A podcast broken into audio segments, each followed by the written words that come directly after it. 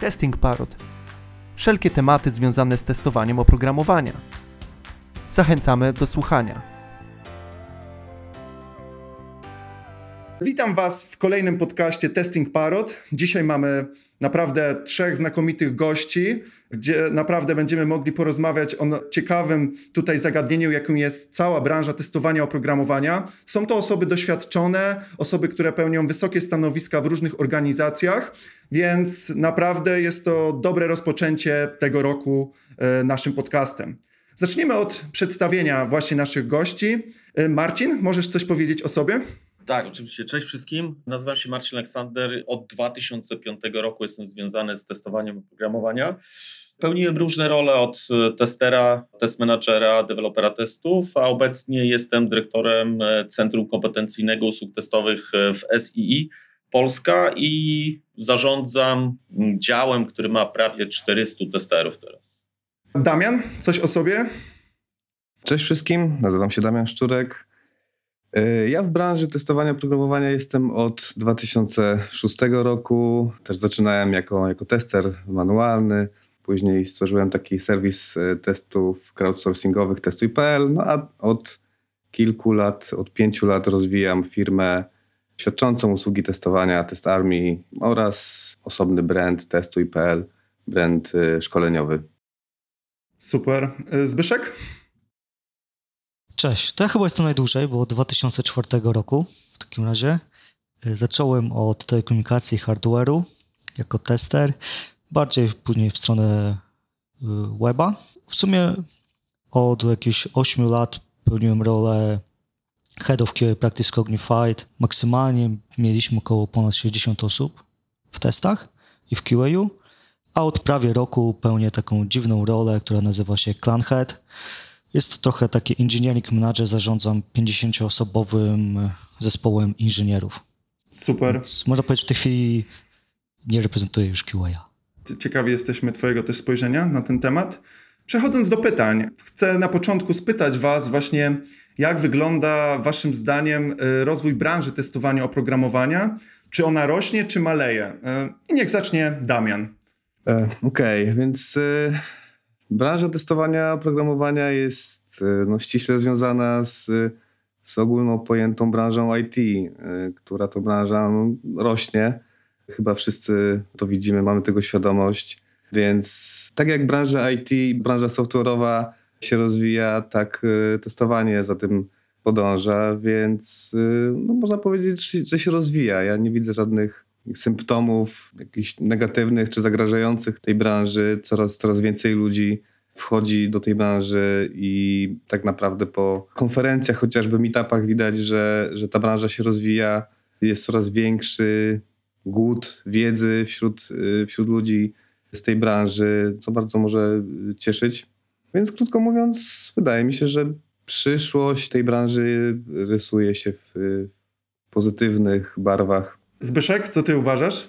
Wydaje mi się, że tak, tak jak Damian powiedział, testowanie jest gdzieś tam powiązane z branżą IT, więc tak rozwija się, ale według mnie jesteśmy na takim zwanym piku, czy tam maksymalnej wartości, takim retio tester developer. Jest trochę trendów jak właśnie quality assistance, tak, continuous delivery, czy nawet można powiedzieć jest już coraz więcej zespołów, które rezygnują z testera, przenoszą to odpowiedzialność na dewelopera, więc ten trend też będzie bardziej widoczny, który myślę, że spowoduje, że te retio, powiedzmy testowanie będzie trochę mniejszą jednak działką niż jest teraz procentowo, no ale jeśli chodzi o liczbę osób, jak IT się rozwija, więc testowanie też będzie się rozwijało i zatrudniało ludzi, prawda? Ale jest też taki ciekawy trend, nazwijmy to boczny. Okej, okay, ciekawe spojrzenie. A ty Marcin, co o tym sądzisz? E, ja się też zgadzam z Panem, że to testowanie się rozwija i tutaj e, takie dane, którymi mogę e, się podeprzeć, to przede wszystkim obserwujemy, jak rosną firmy, które świadczą usługi testowania. Mogę powiedzieć na przykładzie SI, jak w 2015 roku obejmowałem obecne stanowisko, to w moim zespole, tym, który ma teraz prawie 400 osób, było około 20 paru, więc urośliśmy dosyć szybko.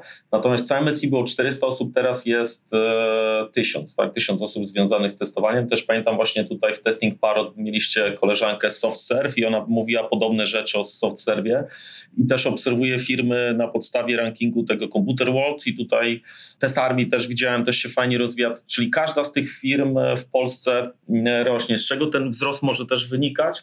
To na pewno z ilości software'u, który powstaje. Ostatnio zrobiłem takie doświadczenie, że policzyłem, ile aplikacji na telefonie mobilnym używam tak co najmniej raz w miesiącu, tak, na, na, na smartfonie. I wyszło mi ponad 30. Ja nie jestem wielkim e, takim fanem, e, czy, czy nie używam wielu aplikacji, ale tak policzyłem, które regularnie, to jest tego ponad 30. I to jest jedna z takich markerów, który mówi, że liczba software'u rośnie i to jest właśnie też powiązane mocno z branżą IT. Cała branża IT rośnie, bo Wszystkie firmy e, produkują coraz więcej software'u. Ten software nie znika. Ja jestem ciekawy, czy ktoś kiedyś policzył, ile dziennie powstaje nowych linii kodu. To jest ciekawa statystyka, no i ten kod trzeba testować, dlatego ta przyszłość przed testowaniem wydaje mi się, że jest e, no, naprawdę dobra. Też się z Wami zgadzam. Też uważam, że jakby ta branża się rozwija, ale też mam podobne zdanie, tak jak Zbyszek, że ta branża może właśnie iść właśnie w też tą techniczną stronę, co nie? Ta automatyzacja, ten rozwój tego, że testerzy są coraz bardziej doskilowani, myślę, że to tak też y, będzie wyglądało. Okej, okay, idąc dalej, co myślicie właśnie o samej przyszłości tego rozwoju, właśnie przyszłość, jak teraz jest dobrze, ale co, co uważacie, jak to będzie dalej? Y, Marcin, mógłbyś zacząć? Tak, oczywiście. No to jest też nawiązanie do tego, co ty powiedziałeś, tak, że ten tester musi bardziej być mocniejszy, powiedzmy, technicznie. Według mnie automatyzacja testów będzie się jeszcze bardziej rozwijać niż, znaczy to będzie postępować, tak? bo teraz też widzimy, że ta automatyzacja testów tak naprawdę nakręca testy. No i wyobraźmy sobie teraz świat bez automatyzacji, taki eksperyment, tak? I, czy wyobrażacie sobie, żeby na przykład Facebook czy Google wypuszczał tyle softu bez automatyzacji testów? To jest niemożliwe. I tak jak powiedziałem wcześniej w poprzednim pytaniu, tego softu powstaje cały czas coraz więcej, więc my jesteśmy na automatyzację skazani i też to widzę, to, to samo jak obserwujemy rynek, na co jest zapotrzebowanie, to przede wszystkim automatyzację testów, tak? bo takich testerów eksploracyjnych, powiedzmy testerów manualnych, teoretycznie można łatwiej znaleźć niż takiego dobrego dewelopera czy testera automatyzującego i tutaj według mnie ta przyszłość e, testowania będzie głównie związana z automatyzacją i to jest też to, co Zbyszek powiedział, że częściej deweloperzy przejmują w niektórych zespołach te obowiązki testowania, no bo tak naprawdę automatyzacja dla mnie to jest e, zajęcie deweloperskie nie zajęcie testerskie. Tak jak ten sławny podział testy checking, exploring, to exploring to jest, te test eksploracyjny to jest takie czysto testerskie zajęcie, natomiast checking może być zrobione manualnie i to są testerzy, albo może być zrobione automatycznie, ale to już jest e, według mnie development. Również się zgadzam. E, Zbyszek, co ty na ten temat uważasz? Ja zauważam pierwszy trend e, biznes, który wchodzi coraz bardziej w testowanie. Po to dostarczamy szybko, zwinnie, mówimy Progressive UAT, pojawiły się różne podejścia, które wciągają biznes y, do testowania, tak? Biznes testuje, więc tą część automatycznie, jak można powiedzieć, tracimy jako testerzy. Z drugiej strony deweloperzy też coraz więcej zaczynają testować, wciągamy ich czemu deweloperzy mają nie automatyzować, nie pisać testów automatycznych kodu, tak? Coraz więcej mówimy o piramidzie, więc jeszcze te testy schodzą jeszcze niżej, bliżej kodu, więc kolejna rzecz, którą tracimy, ale pojawiają się nowe rzeczy. Infrastructure as a code, serverless, headless, wiele innych rzeczy, które tworzymy, które też muszą być testowane i myślę, że pojawia się potrzeba na specjalistów, osoby, bo nawet y, deweloperów czasami trzeba przeszkolić i pokazać im, jak dobrze pisać te automaty, tak? Więc y, mamy taką transformację, gdzie kiedyś zatrudniliśmy dużo testerów, którzy nie do końca byli wyszkoleni, prawda? W tej chwili będziemy potrzebować coraz bardziej mniej liczby testerów może w firmach, ale o bardzo wysokich umiejętnościach i wyspecjalizowanych, tak? Jeszcze jeżeli spojrzymy w T-Shape'a i tak dalej, w te zespoły, no to gdzieś one też tą wiedzę muszą zdobywać, ktoś czasami musi ich wesprzeć, tak? Jasne. Damian, co uważasz na ten temat? No ja się mogę tutaj z chłopakami zgodzić, ale z drugiej strony padło tutaj takie zdanie, że, że testerzy muszą być coraz bardziej, bardziej techniczni, ta, ta wiedza y, techniczna jest, będzie coraz bardziej wymagana. No wiadomo, automatyzacja no to też jest coś, co, co jest y, no po prostu niezbędne w, w procesie szybkiego dostarczania oprogramowania, ale z drugiej strony moim zdaniem od testerów y, będzie się wymagało przyszłości też takiego szerszego spojrzenia na, na cały produkt, bo zamykając się w tej puszce pod tytułem y, tester techniczny, nie zapominajmy, że generalnie produkty, które są produkowane gdzieś, gdzieś no, na koniec dnia muszą służyć jakiemuś biznesowi, czyli nie wiem, coś sprzedawać. No ogólnie, tak, software ma służyć do zarabiania pieniędzy. To trochę brzmi, no wiadomo, nie, nie lubimy o tym rozmawiać, nie lubimy myśleć o pieniądzach, ale taka jest brutalna prawda, więc testerzy powinni myśleć, jakby wejść w buty tego biznesu, tak, wiedzieć po co jest ten software, jak on ma zarabiać, jakie są najważniejsze aspekty jakości w danym produkcie i, i właśnie tak kierować tą jakością, tak? Tym procesem testowania, żeby na koniec dnia ten, ten produkt y, spełniał oczekiwania i biznesu, i oczekiwania klienta, i po to, żeby był wygodny w, w użyciu, więc y, dochodzą też te aspekty usability, user experience. Zgadzam się z tym, że generalnie no, testerzy będą musieli się w czymś specjalizować, natomiast y, mi też podoba się ta koncepcja T-shape, to, to jest coś, co też staram się w, u mnie w firmie wdrażać i, i zachęcać y, testerów, żeby oprócz jednej takiej swojej jakiejś wy, wybranej działki,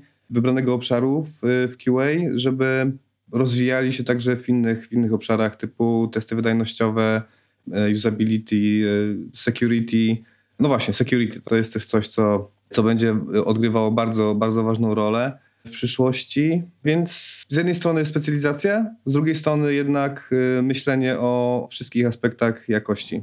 Jasne. Czy ja mogę jeszcze, Michał, coś dodać? Bo no ja, pewnie, e, pewnie, tak. tak jak Wiesz co, ta przyszłość testowania, bo też e, wcześniej tego nie powiedziałem, to, to, ta przyszłość testowania w Polsce zależy od tego, kto w Polsce będzie inwestował tak? Bo teraz mamy firmy polskie tutaj, to są różne firmy, nie tylko świadczące usługi testowe, ale też y, banki, telekomy i tak dalej, które e, powiedzmy tych testerów zatrudniają. Mamy firmy zagraniczne, które tutaj mają e, swoje oddziały. No i mamy firmy zagraniczne, które e, nie mają tu swoich oddziałów, które na przykład są przez nasze firmy obsługiwane prosto z Polski, tak? I my też tutaj jako Polska konkurujemy na pewno E, trochę z Indiami, chociaż ja bym się nie pozycjonował w kraju jako Polski, jako konkurent Indii, bo my jednak dostarczamy usługi wyższej jakości i to mamy wielokrotnie potwierdzenie od naszych klientów. E, bardziej konkurujemy z firmami zachodnimi, tu przede wszystkim ceną, ale Polska dostarcza jakość zachodnią, za trochę niższą cenę. Tak? Jesteśmy krajem droższym już na pewno niż te wszystkie tutaj kraje w centralnej Europie, czyli Ukraina, Białoruś, Rosja, Czechy, Słowacja, Serbia, Rumunia. Te, te kraje są od nas tańsze. Wiem, że takie Włochy, Hiszpania, to, to są już kraje, gdzie w Polsce się płaci tyle, co w tych krajach testerom, tak? To, to, to konkurujemy kraje, gdzie się płaci więcej testerom, to są Niemcy, Szwajcaria, Skandynawia, tak? To są te kraje. Natomiast no my w dalszym ciągu jesteśmy dla zachodnich firm atrakcyjni, bo jednak e, w cenie jednego testera gdzieś tam w Szwajcarii jest kilku nawet e, w Polsce i jest za bardzo dobrą jakość. To, to są ludzie wykształceni z bardzo dobrym angielskim, niedaleko też e, zachodnich państw, więc na razie, póki te ceny trzymamy, póki takie są ceny niższe niż na zachodzie, to ta branża testowa będzie się w Polsce rozwijać. Jeżeli mogę coś dodać, bardzo fajnie powiedziałeś Indie. I dla mnie to jest e, przykład, gdzie musimy trochę zmienić nasz mindset, właśnie przestać bać się Indii, zastanowić się, jakie prace możemy, nawet te tańsze, mniej skomplikowane, oddać do Indii, a jakie prace powinniśmy zatrzymać dla siebie, które są kreatywne, rozwojowe, no bo chcemy więcej zarabiać, więc musimy dostarczać e, większą wartość, tak? I zamiast traktować Indię jako konkurencję, nauczyć się współpracować z takimi krajami, z, z ludźmi tańszymi właśnie, oddając mniej interesujące zadania, mniej rozwojowe, łatwiejsze, a sami biorąc trudniejsze. No bo tylko tak możemy nagle zwiększać naszą wartość, a przez to, wiadomo, pieniądze. Tutaj jeszcze, jeżeli mogę dodać coś, zacząłem, to my jako kraj wydaje mi się, że powinniśmy dążyć do tego, żeby budować takie, taką, nie wiem, opinię, czy, czy taki obraz kraju, który jest powiedzmy liderem testowania w Europie. I powinniśmy ściągać ludzi takich utalentowanych, wykształconych z innych krajów, tak, z Ukrainy, z Białorusi, z Rosji, z Serbii i tak dalej, z tych wszystkich krajów, żeby oni chcieli przyjeżdżać do Polski, żebyśmy tu mieli ciekawych klientów, ciekawe projekty i dobre stawki. Tylko, że to, to musi współpracować nie tylko biznes, ale też rząd, bo na przykład ściągnięcie kogoś z zagranicy to jest bardzo długotrwały proces. Nie wiem, czy panowie macie e, doświadczenia w tym, ale to jest około trzech miesięcy, tak, na ściągnięcie specjalisty. E, natomiast no, ja kibicuję wszystkim firmom polskim, bo każda firma, która dziś wychodzi za granicę, buduje ten właśnie obraz, także w Polsce są usługi testowe na najwyższym poziomie. A teraz przechodząc dalej, chcę rozpocząć, to będzie pytanie najpierw do Zbyszka. Jak wygląda rozwój struktury w waszej firmie? Co nie? Jak ta, odkąd jesteście na tych wysokich pozycjach? Jak to wyglądało od początku do teraz? Bo Zbyszek, u ciebie dość duże zmiany e, nastąpiły. Możesz powiedzieć coś o tym? Tak, opowiem, bo właśnie trafiłeś w moment transformacji. Więc my chyba przez 10 lat w Cognified dołączyłem, dołączyłem Cognified 11 już lat temu. Byliśmy małą firmą 30-osobową, no i zaczęliśmy się mocno dzielić jako praktyki, tak? Praktyka testowanie, później QA, praktyka UI, dev i tak dalej. No i tak sobie rośliśmy przez 10 lat, od 30 osób do w sumie 400 prawie inżynierów, tak? No i ta struktura przestała być efektywna. Po pierwsze, nie wspierała tak zwanej płaskości, gdyż e, wymagała coraz więcej menedżerów u góry. E, z drugiej strony, no, gdzieś tam wspierała też tak zwane silosy. Oczywiście cały czas staraliśmy się zabijać i tak dalej, ale jakoś tak mieliśmy wrażenie, że wspiera. I rok temu trochę zmieniliśmy podejście, zabiliśmy praktyki. Powiedzieliśmy sobie trochę, wszyscy jesteśmy inżynierami, więc stworzyliśmy takie zespoły bardziej inżynieryjne gdzie są ludzie z różnych praktyk, z byłych praktyk, ale pozostawiliśmy, w sumie w tej chwili tworzymy jeszcze coś, co będzie łączyło ludzi o wspólnych zainteresowaniach. Nazwaliśmy to house'ami. Ale house'y nie mają w tej chwili żadnej siły menedżerskiej. Jest to po prostu zbiór ludzi o podobnych poglądach, podobnej wiedzy, zainteresowaniach. Ma pomóc ludziom rozwijać się dzielić się wiedzą, prawda? A wszystkie decyzje menedżerskie jak e, przypisanie do projektów, awanse, wiele, wiele innych rzeczy, przenieśliśmy do zespołów inżynieryjnych. I jest, ja na przykład jestem właśnie teraz szefem takiego 50 zespołu inżynieryjnego i mogę spojrzeć na QA trochę, czy testowanie z innej perspektywy, gdzie już to jest tylko jedną z małych części, prawda, dostarczania oprogramowania czy budowania zespołu. Więc my przyszliśmy z to, zabiliśmy praktykę, zabiliśmy twardy management w QA i w innych praktykach, trochę pod hasłem wszyscy jesteśmy inżynierami i trochę patrzymy teraz już na tą, z tej perspektywy. Mhm, jasne.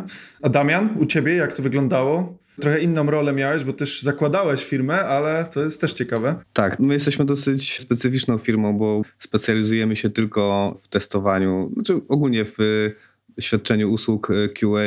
To oczywiście nie ogranicza się do, do, do samego testowania, oczywiście automatyzacja, testy bezpieczeństwa i tak dalej. Natomiast jeżeli e, mam tak w skrócie opowiedzieć o historii rozwoju test armii, no to na początku zaczynaliśmy tam od e, pięciu takich e, no, początkujących testerów, można powiedzieć.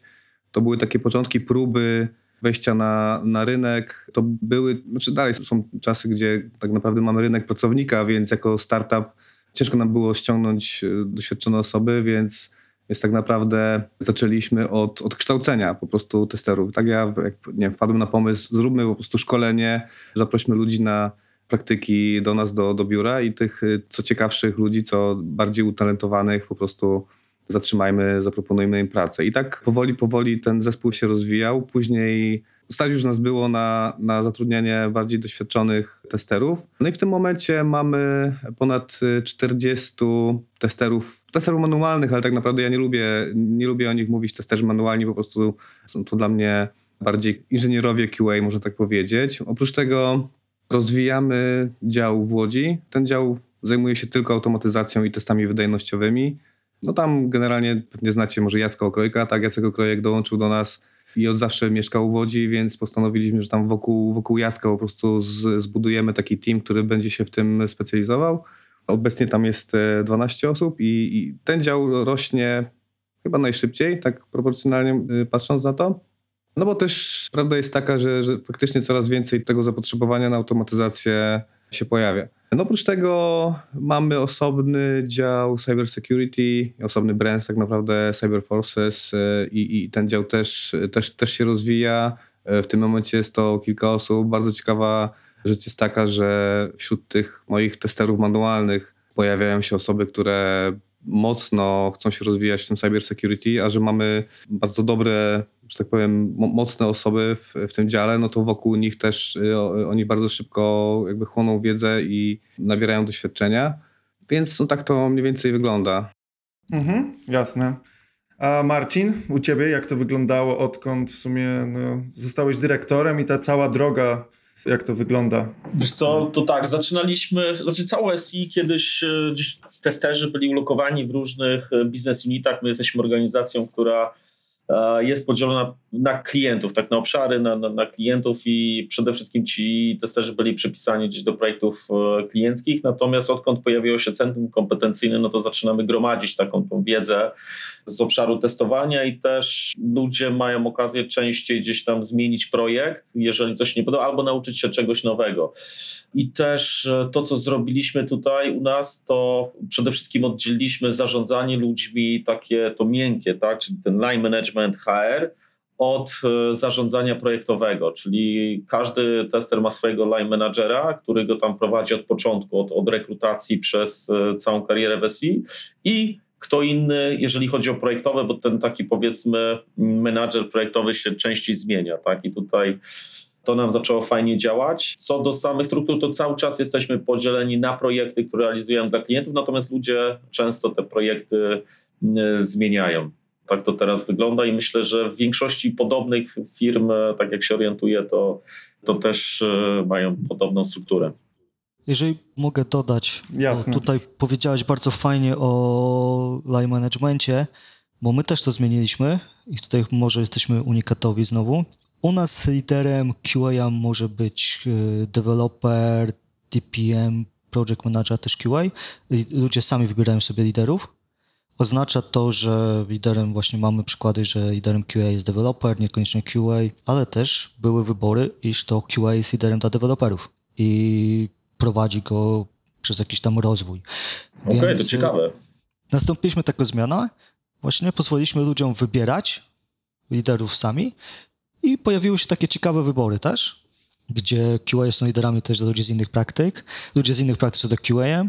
No i rozwijamy się, tak? To mocno wspiera ten T-shape też y, i rozwój po prostu jako inżynier, tak? Gdzie możesz wybrać sobie takiego lidera w tej chwili z innej działki trochę, bo chciałby się w niej rozwinąć. Tutaj Zbyszek, to od razu do ciebie prośba, jak już będziecie po jakimś czasie, tam upłynie rok, żeby jakieś prelekcje na jakiejś konferencji albo To artykuł. już rok upłynął spokojnie.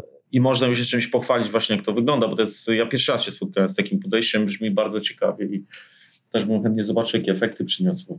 Działa, ludzie są zadowoleni. Metryk nie, nie mogę w tej chwili jakoś yy, przedstawić, nie mamy ich za wiele, to, ale tu metrykiem zawsze też jest rotacja, prawda? i zadowolenie ludzi myślę, że dwie najważniejsze i one są w miarę bardzo fajnie wyglądają. No ale Zbyszek musisz prezentację zrobić. No, Okej, okay. w sumie myślę nad nowym tematem, więc może to jest jeden z tych. Super. Mam dla Was kolejne pytanie. Jak według Was się właśnie tutaj kreuje przyszłość właśnie testerów, testów manualnych i automatycznych? Jak według Was y, to będzie wyglądać na przykład za 2, 3 lata, może 5, 10 lat? Y, Damian, zacznij. No to trochę wracamy do tego tematu, o którym rozmawialiśmy przed chwilą, czyli jak będzie wyglądała naszym zdaniem w ogóle przyszłość branży testowania oprogramowania. I mogę jakby powtórzyć to, co mówiłem, e, czy też rozwinąć, że ten podział na testerów manualnych, automatycznych, on się troszeczkę, nie, nie chcę powiedzieć zatrze, ale na pewno zarówno testerzy manualni gdzieś tam będą musieli część swojej pracy zautomatyzować, nie, niekoniecznie pisząc po prostu skrypty testowe, tak? czy, y, czy po prostu pisać, pisać automaty, ale pewnie część swojej pracy, czy to przy pomocy na przykład deweloperów, czy kolegów automatyków, będą musieli sobie jakoś tam automatami wspierać. E, natomiast no, automatycy też pewnie będą musieli, moim zdaniem przynajmniej tak, takie byłoby moje życzenie, kierować się w stronę właśnie tego, tego co mówiłem, czyli biznesu, tak myślenia o, myślenia o biznesie, czyli tak projektować testy, nie tylko po prostu, nie wiem, bezmyślnie przekładać y, jakieś scenariusze testowe na, na, na skrypty automatyczne, tylko po prostu dobrze przemyśliwać, po co są w ogóle te testy, jakie one mają spełnić zadanie, jaki, jaki problem mają rozwiązać, tak? Bo to, że okej, okay, zautomatyzujemy sobie powtarzalne testy, testy regresji, no to jest y, prosty cel, ale moim zdaniem ci testerzy mm, automatycznie będą musieli jakby też rozmawiać z biznesem i wiedzieć, po co tak naprawdę oni automatyzują, tak? Po co automatyzują te czynności, które gdzieś tam e, mogą być zautomatyzowane. Jaki będzie zwrot z tej inwestycji, tak? Ponownie mówię o, o takim myśleniu właśnie wejście w rolę czy w buty, w buty biznesu. No i rzecz, która moim zdaniem ma, ma, ma dużą przyszłość, czyli bezpieczeństwo, tak? Cyber security. No, chyba nie trzeba e, nikogo za bardzo przekonywać e, do tego, że to cyberzagrożenia są i będą no, poważnym problemem w przyszłości. E, mamy mnóstwo, mnóstwo na to przykładów. Wystarczy sobie otworzyć internet i, i, wpisać cyberbezpieczeństwo i jest mnóstwo informacji o atakach, o, o jakichś e, no, niefajnych sytuacjach. I wydaje mi się, że testerzy, jeżeli chcą właśnie być tak, takimi bardziej technicznymi, to wydaje mi się, że powinni zainteresować się tym cyberbezpieczeństwem dosyć mocno. Więc mówię, taki podział stricte na testerów manualnych i testerów automatycznych będzie się tak za zacierał, natomiast każda osoba, która pracuje w tej branży będzie musiała no, poszerzać swoje horyzonty po prostu. Marcin, co ty myślisz o tym? Znaczy, ja myślę, że tak, na pewno e, liczba testów automatycznych, która w przyszłości powstanie, to, to warunkuje to, że będzie zapotrzebowanie na tych testerów automatycznych, czy testerów automatyzujących i to będzie rosło cały czas. To też ma związek z modelami wytwarzania oprogramowania. Jak ja zaczynałem swoją przygodę w IT, to, to głównie waterfallowo się wszystko robiło. Tak? Teraz e, ten agile staje się coraz bardziej powszechny, coraz więcej firm w całości przechodzi na agile, nie tylko IT, ale też biznes. Dodatkowo DevOpsy, a, a tutaj w agile'u i w DevOpsie moim zdaniem no nie można mówić o agile'u i DevOpsie bez testów automatycznych. No, tego będzie po prostu coraz, coraz więcej. Testy manualne też nie znikną, bo pewnych rzeczy nie da się zrobić automatycznie. To są te testy eksploracyjne i też e, moim zdaniem to przekazanie do automatyka co powinno podlegać e, automatyzacji, to jest praca takiego analityka testów, tak? I to jest zazwyczaj jakiś tester manualny. Testerzy manualni też e, muszą się cały czas rozwijać, e, dlatego że powstają jakieś nowe technologie wytwarzania, czy nowe języki wytwarzania oprogramowania i muszą się do tego dostosowywać, tak? Jak ja zaczynałem swoją przygodę, to nie było Reacta, Angulara i tak dalej wielu rzeczy, które dzisiaj mamy, nie było, jest i, i testerzy i automatyczni, i manualni muszą się kształcić. Tak? No, taka może mm, zawód przyszłości, jeżeli chodzi o automatyków, to według mnie to jest albo taki, można już zacząć chyba mówić, tak jak są full stack deweloperzy, to tak e, full stack test developer, to jest taka osoba, która potrafi zarówno GUIA zautomatyzować, ale e, przy użyciu Selenium i Java na przykład, ale też właśnie jakieś rzeczy angularowe czy reaktowe przy użyciu innych frameworków, czy testy API, czy też zrobić robić testy e, wydajnościowe i, i na pewno jest zapotrzebowanie na takie osoby. To też teraz widzimy, że taki dobry deweloper testów to powinien być kilkujęzykowy, co najmniej dwu, na przykład z Java łatwo przesiadać na C Sharpa czy gdzieś na JavaScript, no bo rzadko się spotyka projekty takie długotrwałe, które są tylko w jednej technologii, tak? Te osoby muszą się dostosowywać. No tak samo testerzy manualni też powinni cały czas e, rozwijać swoje umiejętności i tyle. A ta przyszłość na razie się wydaje, że jest naprawdę dobra. Mhm. Zbyszek, jakiś jeszcze komentarz? Ja to się zawsze zastanawiam, jeżeli właśnie tworzymy pewne rzeczy trochę oddalone od zespołu, tak jak mówimy na przykład o pentesterach. No i teraz y, mamy continuous delivery, tak? No to co, ci pentesterzy będą testować raz na miesiąc daną aplikację, a przez następny miesiąc się modlić, żeby nic nie wybuchło. I to jest pytanie, jak bardzo właśnie wciągnąć to wszystko i zacząć jednak e, martwić się od dołu, żeby właśnie wspierać te ciągłe dostarczanie, niż rozwiązywać problemu góry. I mam wrażenie, że często mówiąc o testach automatycznych, czy właśnie pentesterach, czy tych wszystkich kierunkach, to trochę rozwiązujemy problem u góry, prawda? Zamiast e, usiąść i spojrzeć, jak dany problem rozwiązać od samego dołu.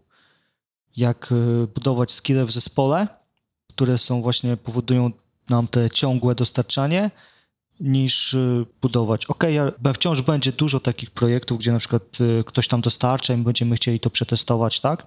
I będą te role, ale myślę, że coraz więcej firm chyba jest świadomych tego i jednak chciałoby w miarę y, budować ciągłe możliwości dostarczania. Tak, to ciągłe dostarczanie się też z tym zgadzam, bo każdy biznes właściwie zależy od tego, jak szybko ich software zostanie, czy, czy ich przychód zależy od tego, jak szybko software zostanie dostarczony, tak? czy zmiany w software'ze. I to też e, powoduje, że testy stają się takim krytycznym elementem w całym procesie wytwarzania oprogramowania. Wydaje mi się, że nigdy wcześniej testy nie były aż tak ważne dla biznesu, jak są teraz. Przez to, że troszeczkę testy są też takim tym wąskim gardłem tak? I, I żeby zlikwidować to wąskie gardło, no to, oczywiście automatyzacja, ale sama automatyzacja nie wystarcza, no musi być przede wszystkim przemyślana. No ale tak, ale testy są teraz krytyczne dla biznesu. Ja też widzę to, że kiedyś świadomość istnienia testów w takim wyższym managemencie firm była bardzo mała, ale teraz nawet prezesi firm są świadomi, tak, co to jest testowanie oprogramowania, że to jest bardzo istotne, ile pieniędzy kosztuje testowanie oprogramowania i też budżety przeznaczane na testowanie cały czas rosną i narzędzia też, które tak łatwiej zarząd gdzieś podejmuje decyzję o wdrożeniu jakiegoś narzędzia, które rzeczywiście rozwiąże problemy w firmie, które są związane z testowaniem programowania. Kierując kolejne pytanie, też do ciebie Marcin, w sumie. Mhm.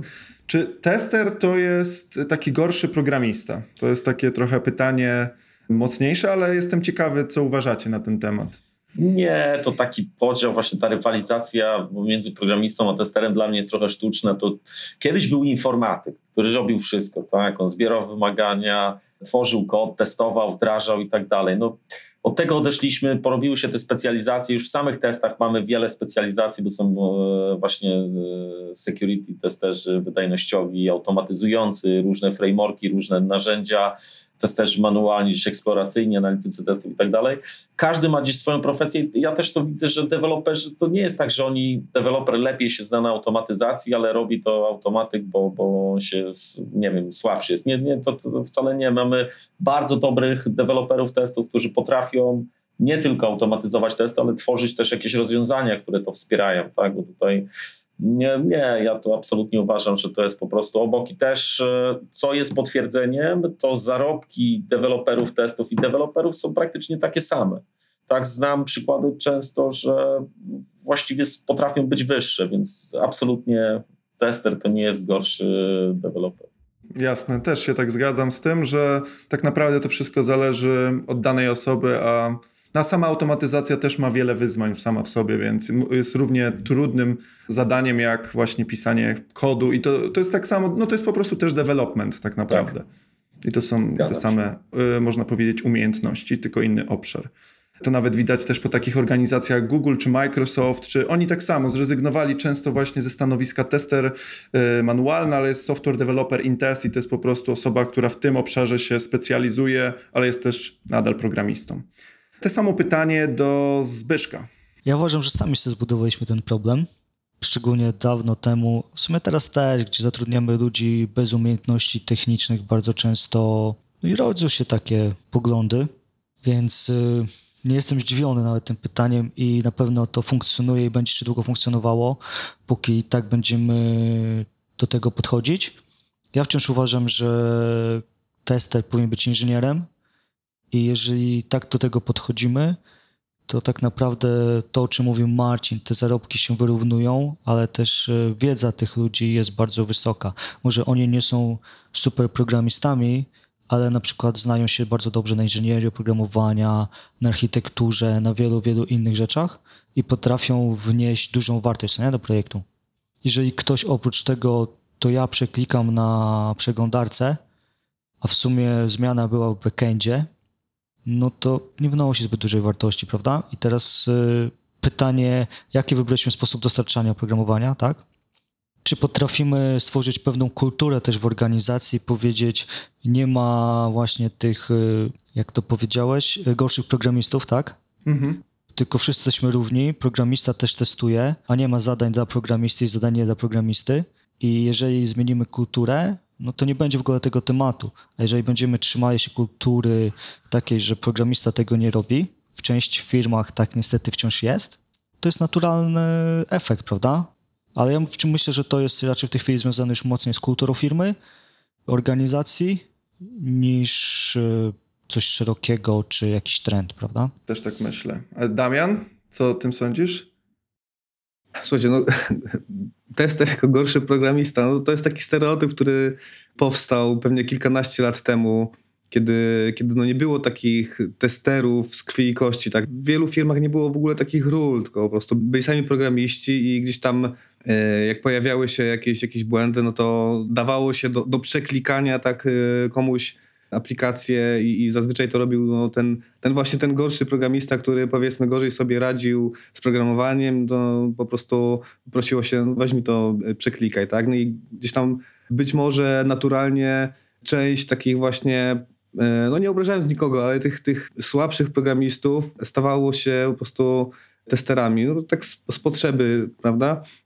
No i tak pewnie powstał taki, taki stereotyp, że, że testerami zostawali ci, którzy gorzej sobie radzili e, z programowaniem, ale obecnie testerzy są postrzegani totalnie inaczej. E, no też przez wiele lat pokutowała taka opinia, że no, testerzy to są ci, którzy, ci, ci gorsi, tak, ci, ci źli, którzy gdzieś tam psują, przeszkadzają testerom, e, opóźniają ich pracę i tak dalej, ale obecnie no sam to widzę po tym, jak, jakie dostajemy feedbacki od klientów, gdzie no po prostu deweloperzy czy też PM-owie gdzieś tam po stronie klienta dziękują tak naszym testerom za pomoc. No, często to są bardzo, bardzo rozbudowane feedbacki, gdzie no, wskazują na to, że no, gdyby nie tutaj pomoc nas, naszych e, testerów, e, no ciężko byłoby, nie wiem, zdążyć z releasem, czy pewnie część błędów po prostu zostałaby nie, nie, niewykryta i tak dalej, więc rola testera jest obecnie bardzo mocno doceniana i nie odczuwam czegoś takiego, że testerzy są, nie wiem, gorzej postrzegani czy gorzej traktowani. Wręcz, wręcz przeciwnie.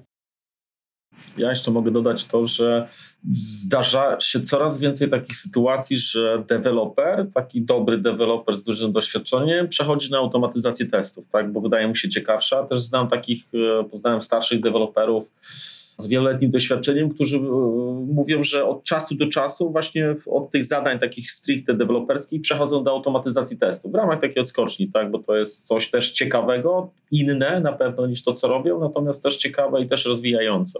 Także właśnie to, co też chłopaki powiedzieli na początku, to to jest negatywny stereotyp, ale on też zanika. Tak? I Oczywiście my mamy przykłady ludzi, deweloperów, którzy przychodzą do roli QA, co nie? i nie zajmują się tylko automatyzacją testów, ale całym po prostu zapewnieniem jakości i są bardzo szczęśliwi. Fajnie, też mam podobny pogląd jak wy. Teraz zaczniemy od Zbyszka. Takie pytanie, jak rozwijać się jako menadżer testów? W ogóle jako osoba taka zarządzająca, jakie macie rady dla młodszych koleżanek, kolegów? No, wy już jesteście długo w branży, więc e, pewnie wiele osób, które na przykład zostało dopiero menadżerami albo zastanawiają się o tym, czy ta ścieżka jest dla nich. Co waszym zdaniem jest ważne w tym rozwoju na początku? Okej, okay, to ja może takie dwie myśli. Pierwsza rzecz, która kiedyś przyszła mi do głowy, kiedy zorientowałem się, iż, iż mam największy zespół testerski chyba w Poznaniu. A w sumie, kurczę, chcielibyśmy być QA-ami no to coś poszło źle. Więc e, nie, budowanie, jeżeli myślisz o bardziej procesach quality assurance i nagle zbudowałeś duży zespół, no to zastanów się, co poszło źle. Niekoniecznie to jest oznaka sukcesu. A druga rada, test manager. Często skoncentrujemy się na optymalizacji procesów testowych, a wydaje mi się, że ja może zrobić bardziej head, ale to jest pewnie trochę podobne w różnych organizacjach rola. Ja bardziej namawiam do współpracy z innymi i na przejście właśnie, że to jest moment, kiedy powinieneś przestać patrzeć na testy. Od tego masz ludzi, którzy się na tym bardzo dobrze znają i zoptymalizują ci te procesy, prawda? Żeby spojrzeć szerzej na tak zwane całe delivery i zacząć specjalizować się w procesie szerszym, tym dłuższym procesie delivery, go optymalizować, zaczynać się rozumieć, gdzie i jak są moje role, a może gdzie nie powinienem, może gdzie należy odpuścić, gdzie należy inaczej patrzeć, więc myślę, że to jest właśnie moment, kiedy należy wyjść z testowania i zacząć troszkę patrzeć na całość. Mhm, jasne. Damian, co ty o tym sądzisz?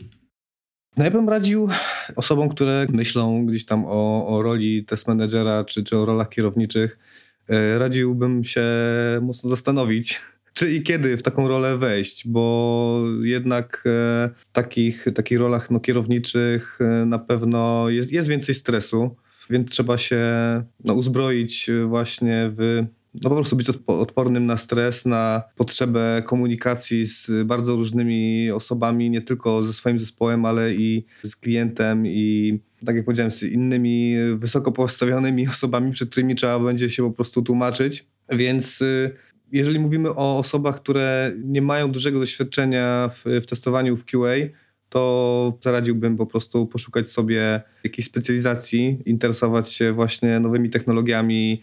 Nie wiem, jest mobile, jest IoT. I jeżeli ktoś faktycznie będzie chciał iść, iść to, w to zarządzanie testami, to naprawdę trzeba się tutaj mocno zastanowić nad tym. Mhm. Jasne. Naprawdę. A ty, Marcin? Co Ale oczywiście, jeżeli ktoś ma taką Aha. potrzebę, jeżeli e, potrafi się komunikować, lubi, lubi rozmawiać, lubi też e, rozwijać swoich młodszych, znaczy dbać o rozwój swoich, e, swoich młodszych kolegów, ma z tego fan, no to jak najbardziej. Co ja sądzę? Ja może powiem, jak to wygląda już później. Nie, już nie taki test manager, tylko taki, jak Zbyszek mówił, ktoś jak head of department, czy coś takiego to muszę powiedzieć, że jest bardzo mało ludzi w Polsce, którzy na razie się do tego nadają, mają predyspozycję, natomiast co nie działa, to jest to nie wiadomo, co od takich ludzi się wymaga. Tak? Ja też jak obejmowałem to stanowisko, to ja nie miałem pojęcia, na czym to polega, tak? bo to jest spory przeskok, ja się tego uczyłem. Cały czas się uczę, tak? bo to, to cały czas postępuje i też może nie ma w, tutaj w Polsce takiej platformy wymiany wiedzy pomiędzy takimi osobami. Jest parę takich osób, tutaj nasza trójka, ale też myślę, że jeszcze kilka osób by się znalazło, które potrafią zarządzać taką czy firmą e, realizującą usługi testowe, czy takim dużym działem testów. No i ta wiedza z testowania to jest na pewno fundament, który jest potrzebny i bez tego się dalej nie pójdzie. Natomiast jest jeszcze wiele innych kompetencji, które trzeba rozwinąć. Tak? No przede wszystkim trzeba być trochę tym takim biznesmenem i to, co Damian na początku mówił, że my nie lubimy rozmawiać o pieniądzach, jeżeli chodzi o testerów. Tak? Ja też to zauważyłem. Przy negocjacjach swoich wynagrodzeń czy stawek, oczywiście potrafią i robią to bardzo dobrze. Natomiast no, taki gdzieś zauważyłem na konferencjach czy, czy, czy coś takiego, to strasznie tego ludzie nie lubią.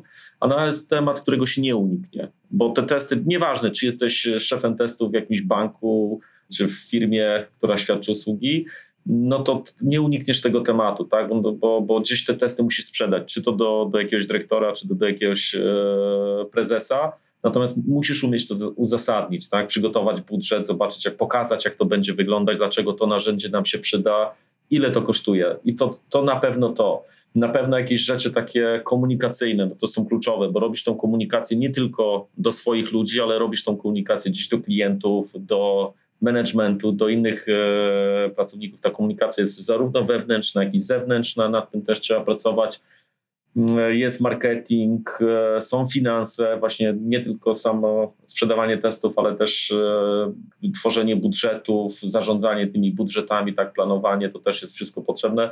No jest wiele takich aspektów, które nigdzie, jak dotąd e, zauważyłem, gdzieś na konferencjach się też nie pojawiają, tak, tego nie ma. Być może coś powinno powstać, być może to by, znaczy ja jestem pewny, żeby to też spowodowało taki wzrost naszej branży testowania w Polsce, tak? I takie community może powinno powstać, żeby się dzielić wiedzą też z innymi osobami, właśnie z tymi, które aspirują do takich stanowisk, ale najpierw byśmy musieli te osoby gdzieś tam e, znaleźć. No ale wytrwałość też na pewno, co mogę doradzić, to wytrwałość. Ja na to stanowisko czekałem chyba 10 lat, tak. Muszę szczerze powiedzieć, że mógłbym czekać kolejne 10, tak. To nie jest tak, że ja tam sobie ułożyłem plan, że za 10 lat już chcę robić to i to to trochę było przypadku, natomiast no to jest już powiedzmy w samym testowaniu ciężko znaleźć wyższe stanowisko. Mógłbym czekać kolejne 10 lat, żeby, żeby się takim czymś. Na, na pewno dużo frajdy tak, takie coś przynosi, bo jest duża decyzyjność, e, swoboda w działaniu. E, no i się robi fajne rzeczy, coraz większe. Z każdym rokiem robimy coraz większe rzeczy. E, mam nadzieję, że w kolejnych latach no to, to już będą jeszcze większe projekty testowe, czy, czy będziemy realizować jakieś takie potężne wdrożenia, tak? czy, czy, czy usługi testowe. Super. A właśnie to takie pytanie do, do tego pytania, co, e, to też niech Marcin zacznie, ale ja je najpierw powiem. Co sądzicie o tym właśnie, jak e, osoby techniczne tak nie lubią o budżecie rozmawiać? Nie, nie, nie, wydaje wam się, że na pewnym poziomie o tym budżecie trzeba rozmawiać, no, o tych pieniądzach właśnie, bo jednak my robimy te wszystkie rzeczy, te testowanie, tą automatyzację, żeby firmy zarabiały, co nie? Tak. Jest to po to. Jakby stawki są dlatego takie duże, bo jakby jest na to zapotrzebowanie, ale co o tym sądzicie? O tym podejściu? Czy troszeczkę właśnie na pewnym poziomie seniority nie powinniśmy akceptować tego, że o budżecie jakby te rozmowy z klientem, że to jest normalna część i to jest dobre, bo jakby no, chcemy zarabiać te pieniądze, to też Marcin Tak, zacznie. wiesz co, no bo to przede wszystkim testowanie to też jest biznes, tak? I istniejemy, no my jako testerzy istniejemy tylko dlatego, że firmy, które chcą zarabiać, te firmy, to one tworzą jakieś produkty, które używają softu, tak? I dzięki temu my mamy pracę, dzięki temu się rozwijamy i nie można tego unikać. Tak? To, to, to rozmowa o pieniądzach, no niestety ich nie unikniemy. Jak ktoś nie lubi, nie wiem co powiedzieć, ale, ale nie, no, no, no, no, jako część biznesu, bo też jesteśmy biznesem, nie, nie możemy tego unikać, tak? To nie powinien być jakiś może temat przewodni, ale, ale dziś o tych budżetach, e, a chociaż wiesz ja ostatnio też widzę, że część ludzi da się wytłumaczyć, na przykład mamy fajny projekt, który trwa tam pół roku, stawka jest bardzo atrakcyjna na ten projekt, ale na kolejnym projekcie może być inna, tak? I ludzie to kupują i rzeczywiście coraz lepiej się negocjuje z ludźmi jakieś e, warunki finansowe coraz może też mniej jest takich ludzi, którzy podczas negocjacji czy gdzieś podczas tworzenia budżetu unikają rozmów. Ja, to, co mówiłem wcześniej, że, że testerzy nie lubią rozmawiać o pieniądzach, to są, jeżeli są jakieś konferencje, tak, to tam nagle tak jakby temat nie istniał albo w ogóle poruszysz, to jest takie źle widziane wśród, wśród tych naszych testerów. Damian, co ty o tym sądzisz? Yy, no tak, pieniądze to jest bardzo delikatny temat i najlepiej w idealnym świecie pieniądze po prostu nie powinny istnieć. Wszyscy powinni wszystko robić yy, charytatywnie, za darmo i świat byłby piękny i wszystkim żyłoby się szczęśliwie. Ale no niestety prawda jest taka, że, że o tych pieniądzach prędzej czy później trzeba rozmawiać i menedżerowie czy PM-owie tak często mają na sobie e, obowiązek pilnowania budżetu i mając jakieś tam ograniczone zasoby muszą lawirować, tak? Wiedzieć na co sobie mogą pozwolić, na jakie zasoby, co w danym budżecie jest możliwe do zrobienia, a co nie, ale to wtedy trzeba też e, uzgadniać z klientem albo walczyć o większe budżety. Pieniądze to też jest coś, co jeżeli na przykład mówimy o, o narzędziach tak, do, do testowania, jak, jak, się, jak się wejdzie na jakiekolwiek forum czy na, na, na grupę e, testowanie, to wszyscy szukają darmowych narzędzi najlepiej, nikt nie chce płacić. Jak e, ktoś komuś poleca jakieś płatne narzędzia, o to już, już, wiesz, już kasa, już ktoś chce coś sprzedać. No niestety, no, czasami, czasami trzeba, tak? Czasami trzeba zapłacić. Wiele rzeczy po prostu nie jest tak dostępnych od tak, za darmo, nie? Więc y, no, jest, to, jest to trudny temat, ale, ale trzeba się z tym zmierzyć. Zbyszek, co ty myślisz? Po pierwsze, tutaj będę kontynuować myśl Damiana. Czas pracownika też kosztuje i czasami wzięcie płatnego narzędzia okazuje się tańsze, szczególnie jak myślisz o skali, prawda, problemów i spotykasz mhm. się z coraz większymi problemami. Przykład BlazeMeter, jak masz postawić farmę 100 slave'ów, samemu lub użyć BlazeMetera tylko do jakiegoś jednego testu, możliwe, że BlazeMeter jest tańszy, prawda? Jak policzysz, dodasz koszt człowieka. E, jeśli chodzi tutaj tak. o, mówisz o pieniądzach, biznesie i tak dalej, ja uważam, że ludzie techniczni, ci, którzy brali techniczną ścieżkę, należy jednak im odpuścić trochę rozmowy te biznesowe i finansowe, negocjacje, wszystkie, ale oni muszą myśleć o eforcie i jak robić rzeczy najefektywniej. I muszą być w stanie czasami pomóc przełożyć to na jakąś, na pieniądze na końcu, albo rozumieć ograniczenia i zrobić to w pewien sposób. Więc ja bym tutaj trochę rozróżnił rozmowę o eforcie, a rozmowę o pieniądzach, tak? I siedzenie w Excelach, a co zrobić, jeżeli. Chodzi o to, żeby ludzie techniczni rozmawiali, czy zrobimy projekt na marży 40 czy 36%. To decyzję zostawmy gdzie indziej, ale tak oni muszą rozumieć efektywność, jak ulepszać organizację pracy i wpływać już na ten. To jest w ogóle kwestia, możemy zdefiniować, kto to jest senior, tak? Czy senior to jest osoba, która klepie superkod i tyle? Czy jednak to jest osoba, która potrafi wpływać na organizację, na to, jak piszemy, jak jesteśmy efektywniejsi, wprowadzać rozwiązania i tak dalej. I taki długi temat, który można pociągnąć później pewnie.